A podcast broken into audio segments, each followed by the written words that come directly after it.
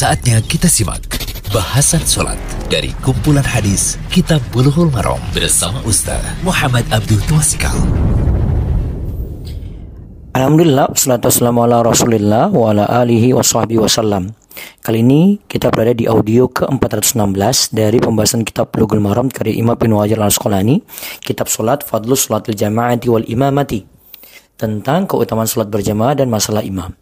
Hadisnya nomor 416 An Ibni Abbasin radhiyallahu anhuma qala Salaitu ma'a Rasulillah sallallahu alaihi wasallam ذات ليلة فقمت عن يساره فأخذ رسول الله صلى الله عليه وسلم برأسي من ورائي فجعلني عن يمينه متفق عليه Jadi Ibnu Abbas radhiyallahu anhuma ia berkata suatu malam aku pernah sholat bersama Rasulullah sallallahu alaihi wasallam aku berdiri di samping kirinya.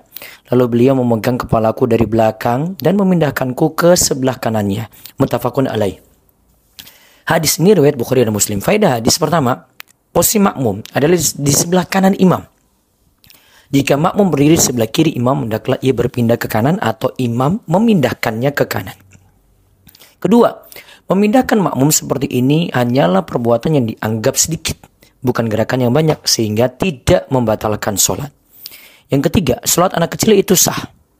Karena dalam kisah ini kan uh, Ibnu Abbas belum balik, ya maka posisinya dalam sholat berjamaah sama seperti jamaah dewasa atau balik.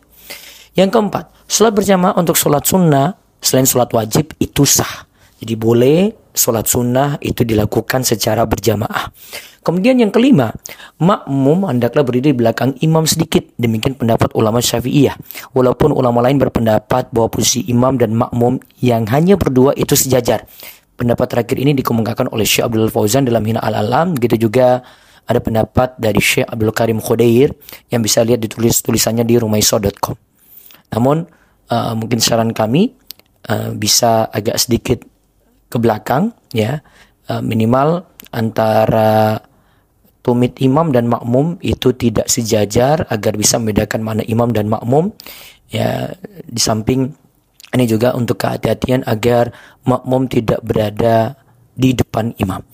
Faidah keenam, niat diubah dari sholat munfarid sendirian menjadi sholat berjamaah boleh di pertengahan sholat, boleh dilakukan di pertengahan sholat. Kemudian yang ketujuh, faedah yang terakhir ini tentang sahabat radhiyallahu anhu yaitu Ibnu Abbas. Ya. Ini dikatakan bahwasanya Ibnu Abbas sangat bersemangat mendalami ilmu agama.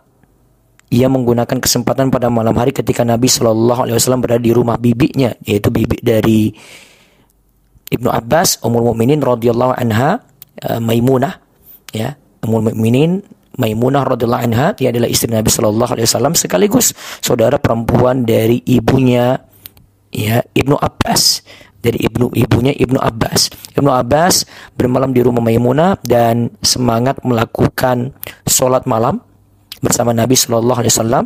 Ibnu Abbas mau berjuang untuk begadang malam untuk sekadar mendapatkan ilmu dari Rasulullah Shallallahu Alaihi Wasallam.